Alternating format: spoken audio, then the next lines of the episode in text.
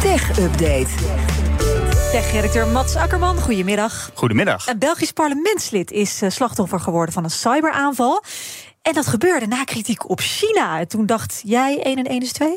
Ja, nou ja, inderdaad. Precies. Ja, we hadden het net ook al over China. Het komt steeds terug. Dat, eh, China maakt ja. ruzie met iedereen. Eh, het gaat hier om parlementariër Samuel Kogolati van de partij Ecolo, zeg maar het Belgische GroenLinks. Ja. En hij zou doelwit zijn geweest van een cyberaanval. En die aanvallers zouden dan te linken zijn aan de Chinese ta- staat. Volgens het Centrum voor Cybersecurity België eh, komt de aanval vanuit hackersgroep APT31. En die worden vaker in verband gebracht met aanvallen op critici van de communistische partij, de Ja? regerende partij in China. Nou, en welke kritiek had hij dan daarop? Nou, dit parlementslid die heeft zich in het verleden veel uitgelaten over de onderdrukking van de Oeigoerse, Oeigoerse moslimminderheid in China. Eh, begin 2021 kwam hij daarover eh, met een resolutie waarin hij die repressie daarvan veroordeelde. En hij sprak daarin van misdaden tegen de menselijkheid. En hij was toen in 2021 ook een van de tien Europese politici die door China op een sanctielijst werden gezet. Ik Oh weet ja. niet of je dat nog kan herinneren, Ja. maar toen werd bijvoorbeeld ook de Nederlander eh Sjoerd Sjoerdsma van D66 werd ook op die sanctielijst gezet. Ja, maar een, een cyberaanval, kon die gewoon even een, een uur niet in zijn systeem of, of was het erger? Nou, ze weten dus niet precies wat er, eh, hoeveel schade er is geleden. Maar hij ontving een mail van een organisatie die beweerde dat ze nieuws hadden over de mensenrechten schendingen in China. Ja. En die mail was dus afgezonden door die hackersgroep. Ah, Eh, maar dat had hij, dat had hij, ja, precies. En ze wilden data van zijn Ja, computer precies. halen. Spioneren. Eh, precies, dat had hij te laat door. Ze weten niet of er informatie buiten is gemaakt en hoeveel het dan is. Maar hij heeft er zelf in ieder geval op gereageerd. Hij we laten ons niet intimideren. We blijven de situatie van de Oeigoeren adresseren. En hij, hij zegt: we moeten in kaart brengen of zo'n cyberaanval of dat vaker gebeurt. Kijken wie erachter zit. En als het lukt, die personen eh, straffen. En het is ook niet de eerste keer dat dit gebeurt. Want in 2021 eh, was er ook een keer een grote hackaanval op Belgische overheidssites. En dat was ook precies op de dag dat er een hoorzitting was met slachtoffers. Ja. Oeigoerse slachtoffers die in het parlement daar waren. Ja. En precies op die dag lagen al die sites uit. Ja. Dus nou. Het is goed om daar scherp op te zijn, Ja, precies. Dan de autoriteit persoonsgegevens zet de gemeente Eindhoven onder verscherpt toezicht. Wat hebben die gedaan? Ja, de autoriteitspersoonsgegevens die heeft signalen dat eh, de gemeente Eindhoven behoorlijk wat dingen niet op orde heeft. Eh, de gemeente zou datalekken niet of niet op tijd melden. Eh, ze zouden verplichte scans op veiligheidsrisico's achterwege laten. En ze zouden de gegevens van hun burgers te lang bewaren. Dus dat is een, een aardig lijstje aan kritiek. Ja. De interne privacy-toezichthouder van de gemeente, dat is de functionaris gegevensbescherming, die schreef ook al in de jaarverslagen van 2020 en 2021 dat de gemeente die verplichte risicoscans niet deed.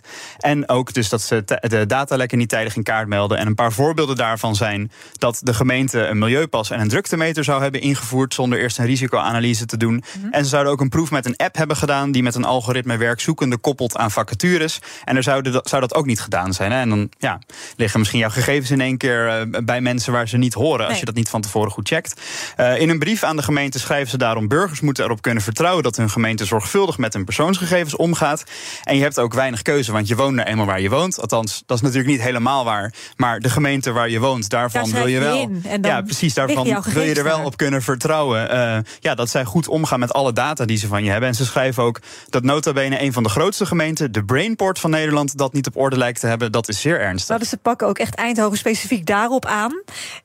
Hebben ze hier dan wel bijvoorbeeld Eindhoven al wel een waarschuwing gegeven? Wordt hier al langer over gepraat? Ja, want je hoort inderdaad een beetje. Het is best wel een bitse brief als je hem zo leest qua ondertoon. En dat is inderdaad omdat er al langer over wordt gepraat. In juli was er eerst al een brief aan de gemeente. Toen was er in september vervolgens een gesprek. En toen was de conclusie: jullie moeten met een verbeterplan komen. Nou, daarvan zeggen ze nu dat verbeterplan dat is ver onder de maat.